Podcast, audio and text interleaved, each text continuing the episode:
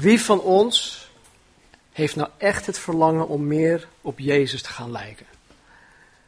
Je hoeft het niet te beantwoorden hoor, maar ik ben blij dat jullie dat, dat doen.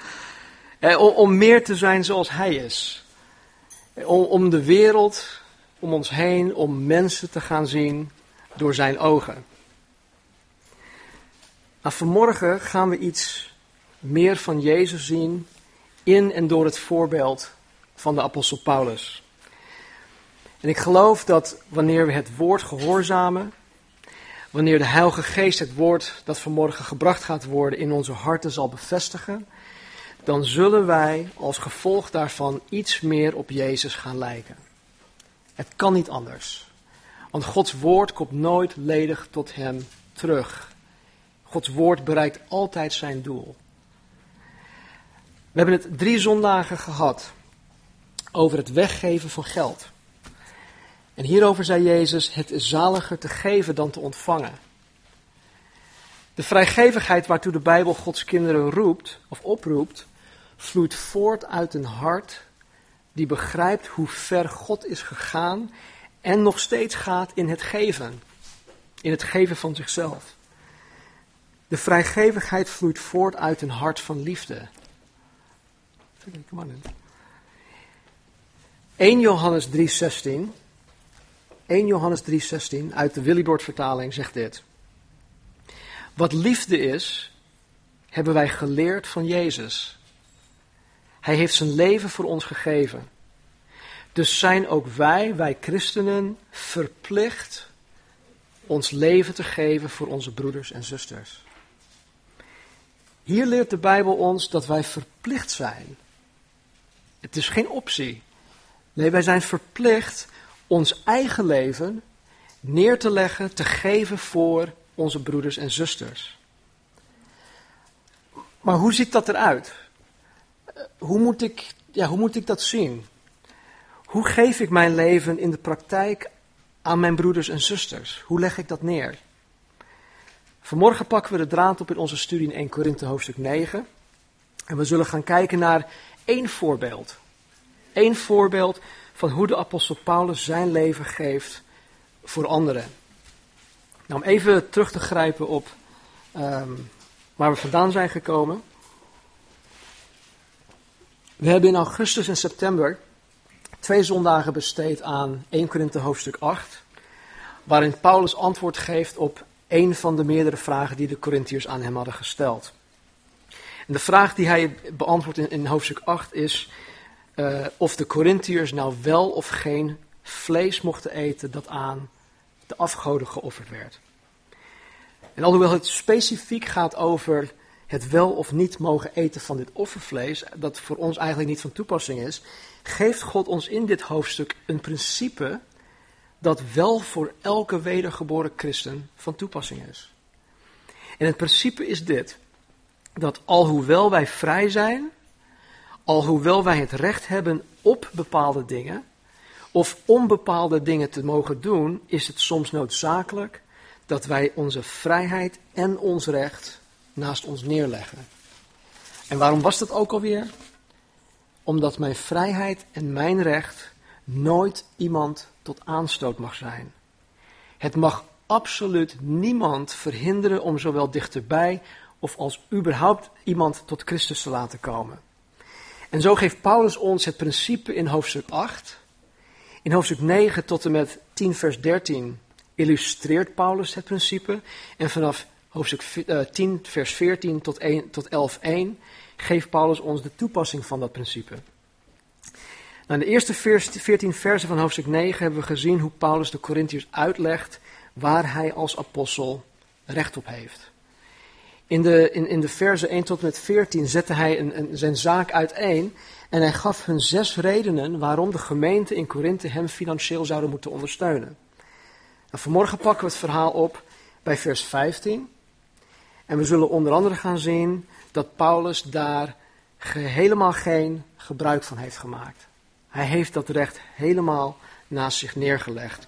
Dus laten we onze Bijbels openslaan op 1 Korinthe hoofdstuk 9. En laten we het, um, ja, laten we toch maar even vanaf vers 1, uh, 1 oppakken. Paulus zegt, ben ik niet een apostel? Ben ik niet vrij? Heb ik niet Jezus Christus onze Heer gezien? Bent u niet mijn werk in de Heer? Als ik voor anderen geen apostel ben, dan ben ik toch wel voor u. Want het zegel van mijn apostelschap bent u in de Heer. Dit is mijn verdediging tegenover hen die mij beoordelen. Hebben wij geen recht op eten en drinken? Hebben wij niet het recht om een zuster als vrouw mee te nemen, zoals ook de andere apostelen en de broers van de Heren en Kefas, Petrus? Of hebben alleen ik en Barnabas geen recht om niet te werken? Wie trekt ooit ten strijde en betaalt zijn eigen soldij? Wie plant een wijngaard en eet niet van zijn vrucht? Of wie wijdt een kudde en voedt zich niet met de melk van de kudde? Spreek ik dit naar de mens of zegt ook de wet niet hetzelfde? Want in de wet van Mozes staat geschreven: U zult een dorsende os niet muilbanden. Bekommert God zich alleen maar om de ossen? Of zegt hij dit vooral om ons? Immers, ten wille van ons is dit geschreven, opdat, omdat wie ploegt op hoop moet ploegen, en wie op hoop dorst, verkrijgt het deel waarop hij hoopt. Als wij voor u het geestelijk gezaaid hebben, is het dan te veel als wij van u het stoffelijke zullen oogsten? Of het materiële zullen oogsten? Als anderen aan dit recht op uw deel hebben, waarom wij nog niet meer? Wij hebben echter van dit recht geen gebruik gemaakt, maar wij verdragen alles opdat wij geen enkele hindernis geven voor het evangelie van Christus. Weet u niet dat zij, die de heilige dienst verrichten van het heilige eten, en dat zij die steeds bij het altaar verkeren meedelen in de offers van het altaar? Zo heeft de Heere ook met het oog op hen die het evangelie verkondigen, opgedragen dat zij van het evangelie leven. Tot zover. Vanmorgen, um, oké, dat is even de achtergrond. Vanmorgen pakken we het op bij vers 15. En in vers 15 begint Paulus met dit. Hij zegt, ik heb hiervan, dus wat hij in vers 1 tot en 14 heeft gezegd, ik heb hiervan geen enkel gebruik gemaakt. Maar ik heb dit niet geschreven opdat dit ook mij ten deel zou vallen, want het was beter voor mij te sterven dan iemand mijn roem zonder inhoud zou doen zijn. Paulus zegt dat hij alle recht had om van de gemeente in Korinthe geld voor zijn levensonderhoud te ontvangen. Maar hij wilde het niet. En dan zegt hij dat hij dit nu niet schrijft als een soort van hint om het alsnog met terugwerkende kracht te krijgen. Nee, hij zou liever doodvallen, zegt hij, dan dat hij één cent van de Corinthiërs zou accepteren. Want zijn roem lag in het feit dat hij het evangelie aan de Corinthiërs had gebracht zonder dat er kosten aan verbonden waren. Paulus roemt in het feit dat hij naar Korinthe was gekomen om hun het evangelie te brengen, om hun daar te dienen zonder daar iets voor terug te willen hebben. Hij wilde daar niets voor terug hebben. En hierin zien wij het hart van God. God die alles gaf door zijn eigen zoon aan ons te geven. Zonder dat er in geld uitgedrukte kosten aan, zijn verbonden. Vers 16. Als ik namelijk het evangelie verkondig, is er voor mij geen reden tot roem. De noodzaak daarvan is mij immers opgelegd. En wee mij als ik het evangelie niet verkondig. Er is voor Paulus geen enkele reden om te roemen over het verkondigen van het evangelie.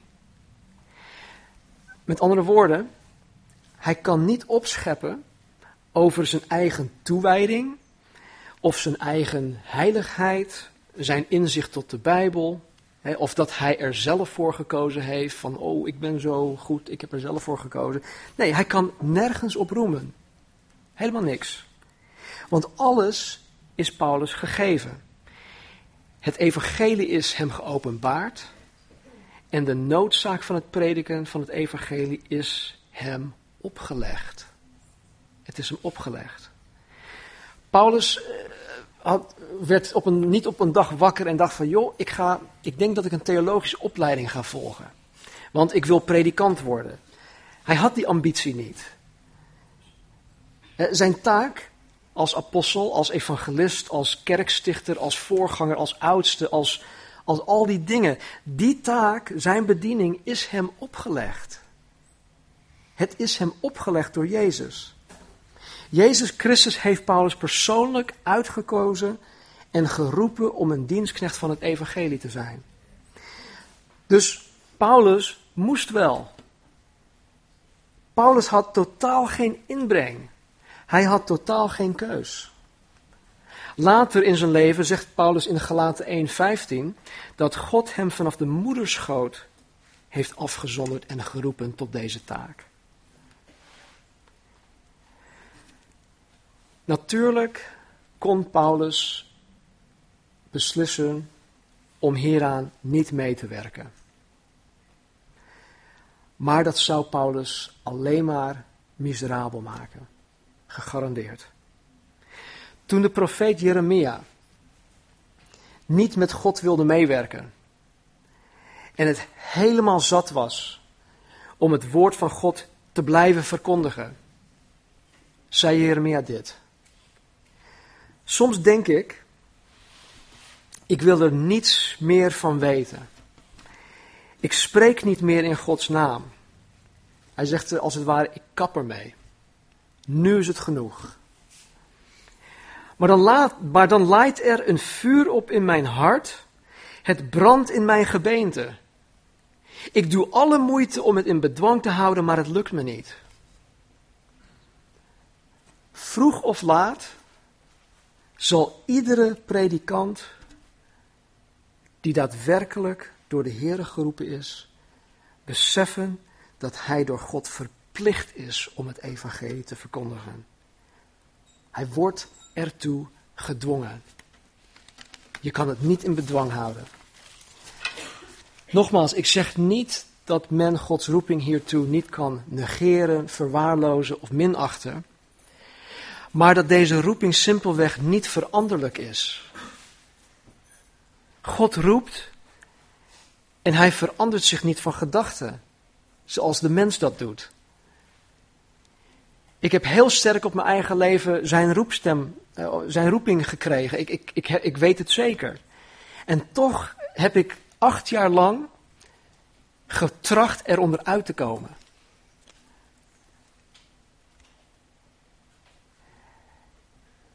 Het lukte me niet. Acht jaar lang heb ik ermee geworsteld. En toch heeft God gezegd van nee Stan, ik verander niet van gedachten. Jij bent misschien wel van, van gedachten veranderd, maar ik niet. De man die Gods roeping probeert te weerstaan, of de man die er onderuit probeert te komen, zal net zoals Jeremia ervaren dat het woord van God als een vuur in zijn hart oplaait en brandt in zijn gebeente. Totdat, hij, totdat hij zich daar aan overgeeft. Van Heer, ik capituleer, ik, ik, ik surrender, ik, ik geef me helemaal over aan u, want ik kan het niet meer. En in die zin heeft de man geen inbreng, geen keus.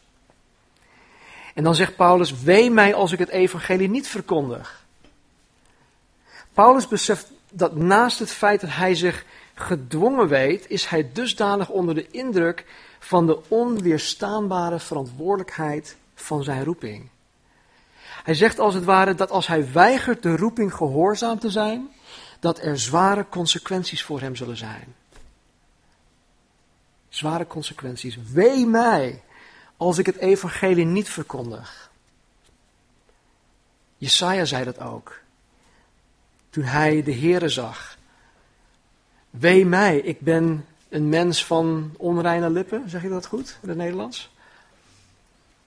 Wee mij. Vers 17, want als ik dat gewillig doe, heb ik loon, maar als ik het onwillig doe, is het beheer van het evangelie mij toch toevertrouwd. Stel, Paulus solliciteert uit vrije wil op een baan.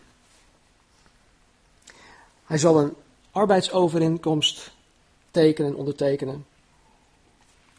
En hij zal voor die baan betaald worden. Dat zegt hij eigenlijk. Als ik het gewillig doe, heb ik loon. Maar als hij als een slaaf door iemand gekocht wordt, dan is het werk dat hij verricht iets dat aan hem toevertrouwd is. En zal hij er geen loon of salaris voor krijgen. In zo'n geval zal hij echter wel. ehm, er zal in zijn levensonderhoud eh, worden voorzien.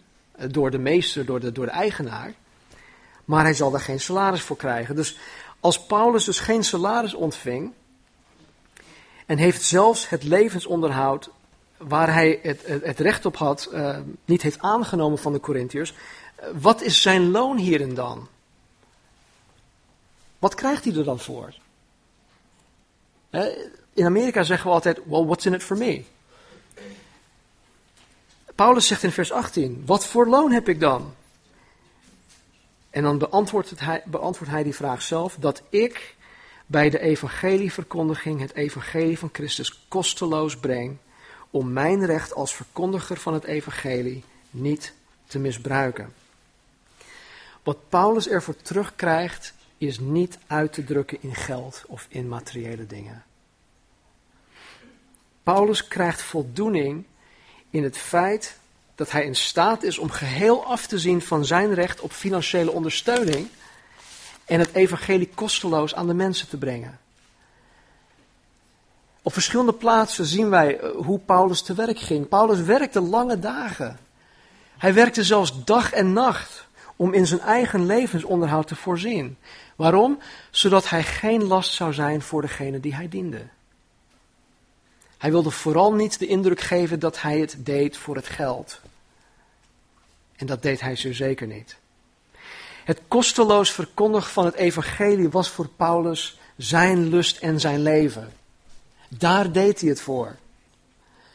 Jullie weten vast wel dit verhaal. In Johannes hoofdstuk 4 staat dat Jezus en zijn discipelen onderweg waren naar uh, Galilea. En onderweg stopten ze in een bepaalde stad, dat heette Sigar in Samaria. Uh, Jezus bleef bij een, een zekere bron van Jacob. De discipelen gingen de stad in om het eten te halen. En Jezus ontmoette daar een vrouw. Het was een uur of twaalf. Hele rare tijd om daar water te putten. Maar goed, hij ontmoette daar die vrouw. En uit het gesprek die hij met deze vrouw voerde, bracht hij haar tot geloof. Hij had zichzelf geopenbaard als de lang verwachte Messias. Zij kwam tot geloof, ze rende terug de stad in, vertelde haar, vrienden en, en, familieleden, die kwamen vervolgens weer terug. Maar in de tussentijd kwamen de discipelen terug, want die gingen de stad in om een broodje te halen. Die kwamen dan weer terug en die drongen erop aan dat Jezus iets moest eten. Maar Jezus weigerde het. Hij wilde niet eten. Hij zegt, ik heb al iets te eten. Voedsel dat jullie niet kennen. En de discipelen vroegen zich af, heeft iemand misschien wat eten gebracht?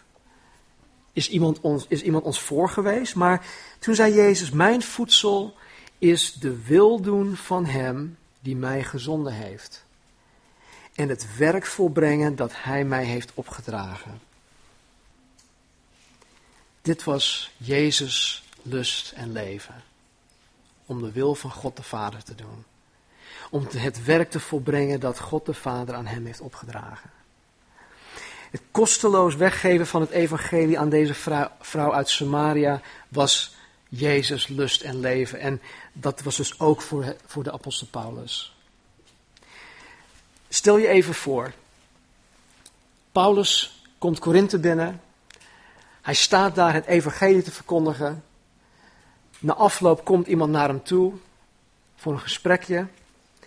En hij, uit dit gesprek, um, ja, of na dit gesprek, komt een persoon tot geloof in Jezus. Hij, hij, hij leidt deze persoon tot geloof in Jezus Christus. En vervolgens zegt Paulus, of aan het eind van dat gesprek zegt Paulus tegen deze persoon, dat hij van nu af aan geld moet geven aan de kerk in Korinthe, om onder andere in zijn levenshoud te voorzien. Wat voor indruk zou dit maken op die persoon? Wat voor indruk zou het maken op de mensen die dit verhaal mee zouden krijgen? Dat is toch geen goed nieuws? Jongens, ik ben tot geloof gekomen in Jezus, prijs de Heer, maar ja, ik moet wel wat uh, dokken. Nee, dat is geen goed nieuws. Dit zou een gigantische afknapper zijn geweest als Paulus op deze manier te werk zou zijn gegaan. De vraag, is het juist dat die persoon zou moeten geven aan de plaatselijke gemeente? Absoluut. Natuurlijk is dat juist. Maar is het slim, is het slim om het op deze manier aan die man te brengen? Nee. Dan doen we afbreuk aan het werk van Jezus Christus. En vandaar dat Paulus geen enkele cent van de Corinthiërs wilde hebben. Hij wilde het evangelie kosteloos brengen, zodat geld bij niemand in de weg zou staan om tot geloof te komen. Nou, als kanttekening wil ik er wel bij zeggen dat Paulus niet in elke situatie uh, financiële ondersteuning heeft geweigerd. Want Paulus heeft zowel van de kerk in, in Filippi als de kerken in Macedonië wel financiële ondersteuning ontvangen. Hij heeft het ook geaccepteerd. Als laatste in dit stukje, en dit vind ik heel, ook een belangrijke, ik geloof dat Paulus ook wilde, um, ja, vanwege de, de geestelijke onvolwassenheid en de vleeselijkheid van de Corinthiërs, geen geld van hun aannemen, omdat hij bij geen enkel persoon in het krijt wilde staan. Paulus wilde niet in het krijt staan bij de Corinthiërs. En wat ik bedoel is dit. Er zijn in de kerk van Jezus Christus helaas geestelijk onvolwassen, vleeselijke mensen, zoals Paulus dat ook in deze brief noemt, die wel hun geld geven aan de kerk, maar dan ook verwachten dat zij een zekere macht over de voorganger of over de gang van zaken kunnen uitoefenen. Eh, bewust of onbewust vinden deze mensen dat omdat zij de voorganger onderhouden, dat de voorganger tot zekere hoogte naar hun pijpen moet gaan dansen. En Paulus, die zich in volkomen vrijheid wil bewegen, vermijdt dit soort gebondenheid. En hij zegt in vers 19, want hoewel ik vrij ben van allen. Hij is helemaal vrij. Hij staat, bij, hij staat bij niemand in het krijt. Heb ik toch mezelf voor allen tot slaaf gemaakt, opdat ik meer mensen zou winnen. Paulus staat bij niemand in het krijt. Hij is vrij van allen. Hij is aan geen enkel persoon gebonden. Maar, luister, hij kiest er bewust voor om zichzelf voor allen een slaaf te zijn. In hun dienst te staan, opdat hij meer zielen zou winnen voor Jezus Christus. Paulus is figuurlijk een slaaf geworden voor alle mensen. Hij past zich volkomen aan aan de mensen waarmee hij in contact komt. Mensen die op zijn pad worden gebracht. Zijn gewoonte past hij aan. Zijn voorkeuren legt hij naast zich neer. Zijn gehele levenswijze past hij aan om mensen te winnen. En in de komende versen zullen we zien hoe hij in zijn leven, in de praktijk, zichzelf volkomen verlogende omwille van Jezus. Omwille van mensen waarvoor Jezus is gestorven. En alhoewel dit stuk specifiek gaat over het winnen van ongelovige mensen, heeft dit zo zeker een praktische toepassing voor het winnen van christenen onder elkaar.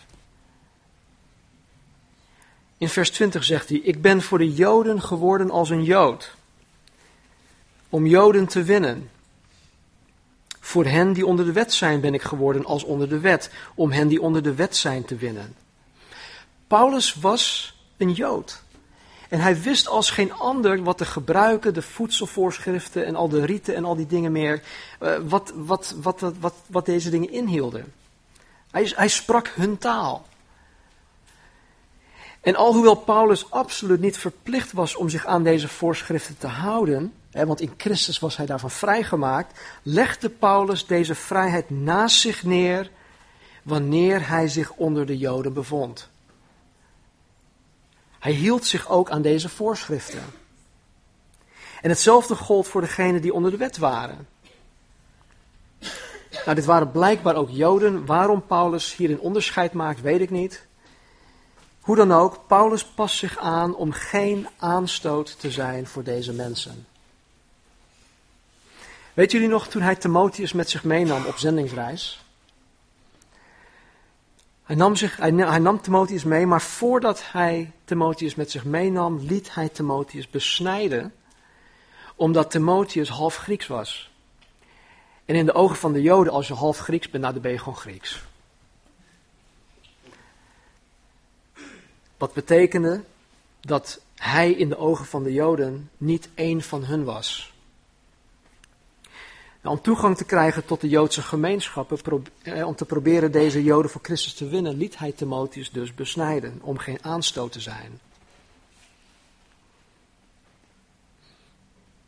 Wie van ons zou daarvoor zichzelf daarvoor beschikbaar stellen? Vers 21. Voor hen die zonder de wet zijn, ben ik geworden als zonder de wet. Hoewel ik voor God niet zonder de wet ben, maar voor Christus onder de wet. Om hen te winnen die zonder de wet zijn. Nou, hen die zonder de wet van Mozes zijn, zijn alle heidenen en voor hen werd hij als een van hen. Als de heidenen. En je moet het zien als dit. Hij at wat ze aten, hij, hij, hij, kleed, kleedde zich als, zoals zij dat deden. Hij paste zich aan, aan aan de cultuur van de heidenen. Wat hij wel duidelijk maakt, is dat hij niet losbandig zonder zich aan Gods woord te houden onder hen bewoog. Geen compromis. Sommige christenen maken misbruik van dit, van dit schriftgedeelte. En ze denken dat zij in alle dingen van de wereld mee kunnen gaan om de wereldlingen te winnen voor Christus.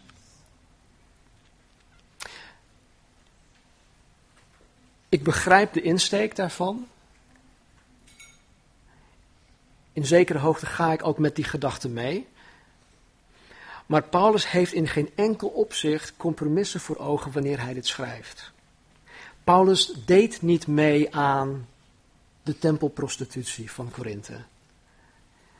Hij deed niet mee aan het offeren aan hun afgoden. Nee, hij hield zich volkomen aan Gods woord. Alleen bracht hij zichzelf tot hun niveau, sprak hun taal om hun te kunnen bereiken. Paulus zocht raakvlakken. Hij sprak hun taal. Hij ontmoette hun in hun leefwereld om hun te kunnen bereiken. En zo heeft God in ieder van ons ook een bepaalde gave, een bepaald hart voor een bepaalde bevolkingsgroep gegeven om die mensen te kunnen bereiken. Vers 22. Ik ben voor de zwakken geworden als een zwakke, om de zwakken te winnen. Voor allen ben ik alles geworden om in ieder geval enigen te behouden.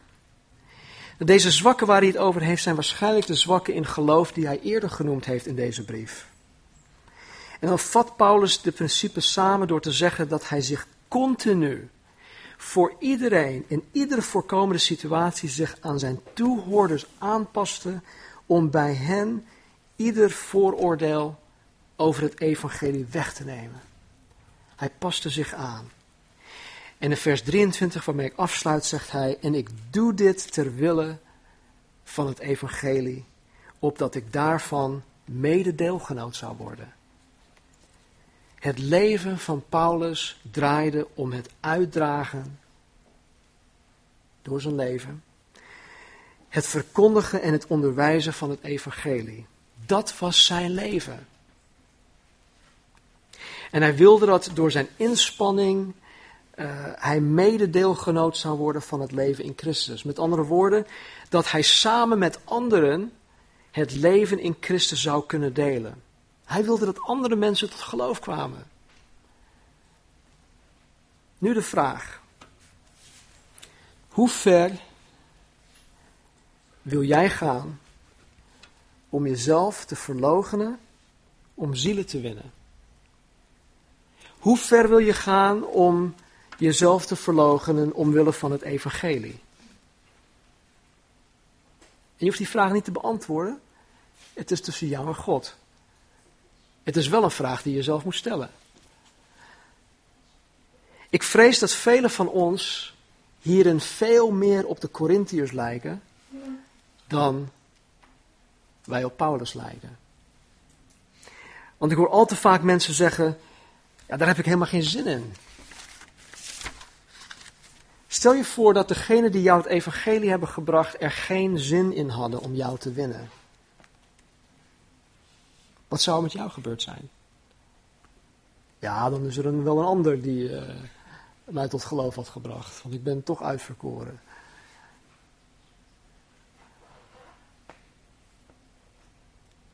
God heeft en ieder van ons die verantwoordelijkheid gegeven. Laat ik het nu betrekken op de vers waarmee wij begonnen waren. 1 Johannes 3:16. Wat liefde is, hebben wij geleerd van Jezus. Hij heeft zijn leven voor ons gegeven. Dus zijn ook wij verplicht ons leven te geven voor onze broeders en zusters. Tweede vraag. Hoe ver wil je gaan om je aan die verplichting te houden?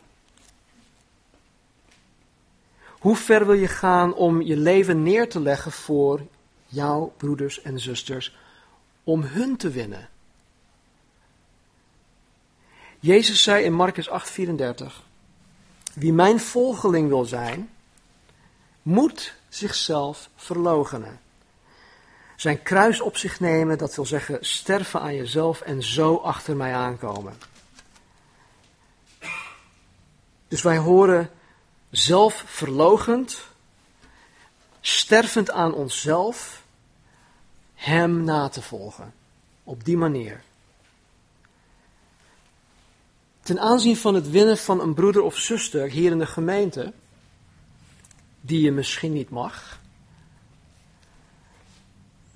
die niet binnen jouw plaatje of straatje past, die je misschien irriteert, waarmee je niet samen door één deur kan gaan, waarmee je zeer zeker niet op vakantie wil gaan, of waar je zelfs een hekel aan hebt.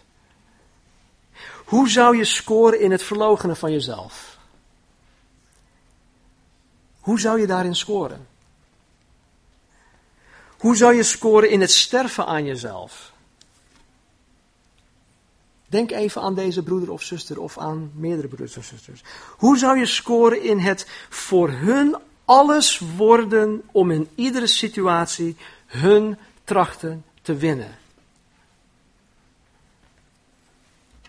En hiermee bedoel ik niet het winnen voor Christus zodat ze gered worden, want het zijn al onze broeders en zusters in Christus, maar ik bedoel dat je hun wint zodat je toegang kan krijgen tot hun hart. Waardoor ze tot ontplooiing kunnen komen en zij in staat worden gesteld om Gods wil en plan voor hun leven te gaan realiseren. Mensen, wij bestaan om elkaar op te bouwen. Om elkaar in staat te stellen om Gods wil en plan voor ons leven tot ontplooiing te laten komen. En hoe ver willen wij gaan om onszelf daarin te verloochenen om het voor de ander te doen.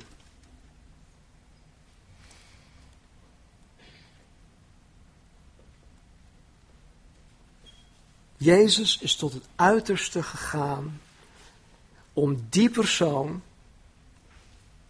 die ik net heb genoemd, waar je misschien een hekel aan hebt, Jezus is tot het uiterste gegaan om die persoon te redden. Hoe ver ga jij? Diezelfde Jezus is vanmorgen in ons midden om zijn leven aan ons te geven. Mocht je hem nog niet persoonlijk kennen, maak vanmorgen kennis met hem. En hij zal ons in staat stellen om onszelf te verloochenen, om ons kruis op zich te nemen, op ons te nemen en om Hem na te volgen. Dat zijn de voorwaarden. Hij is tot het uiterste gegaan. Waarom zou ik de makkelijke weg moeten bewandelen? Laten we bidden. Vader, dank u wel voor uw woord. Dank u wel voor het geweldig voorbeeld van de apostel Paulus. Heer, naast Jezus, ons, groot, ons grootste voorbeeld. Heer, heb ik zo'n bewondering voor, voor deze man. En Heer, ik dank u dat u hem de, de drive heeft gegeven, Heer. Dat u hem uw hart heeft gegeven. Dat u hem zo krachtig heeft gebruikt. Heer, om voor mij, om voor ons een voorbeeld te mogen zijn.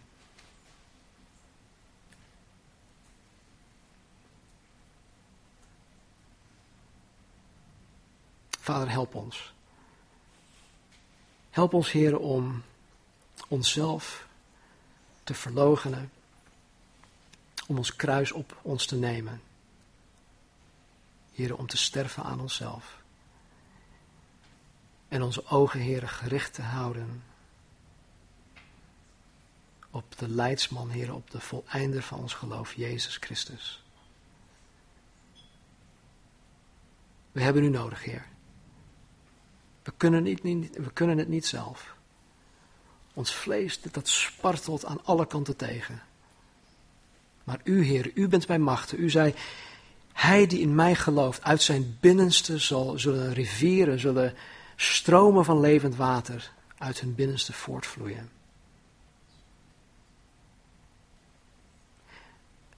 Vader, en ieder van ons is vol van iets. Heere, laat ons vanmorgen vol zijn van U. Stort uw Heilige Geest, Heere, op een ieder van ons. Opdat wij veranderd zullen worden, Heere, naar het evenbeeld van Jezus Christus. Heer, ik denk aan het begin van de dienst dat een ieder van ons ja heeft gezegd van ja, ik wil graag meer lijken op Jezus. Dan is de keus aan ons om onszelf te verloochenen, ons kruis op ons te nemen en u na te volgen. Dank u wel, Heer. In Jezus' naam. Amen. Laten we gestaan.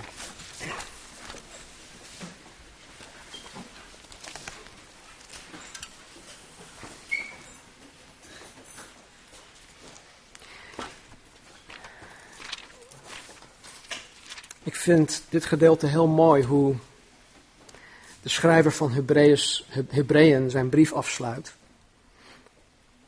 En hij zegt hier in Hebreeën 13, vers 20, en dit spreek ik ook uit als zegen over ons.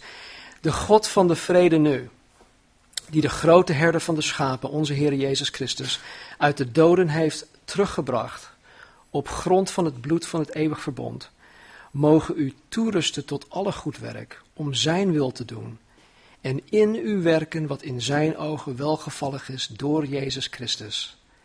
Hem zij de heerlijkheid in alle eeuwigheid.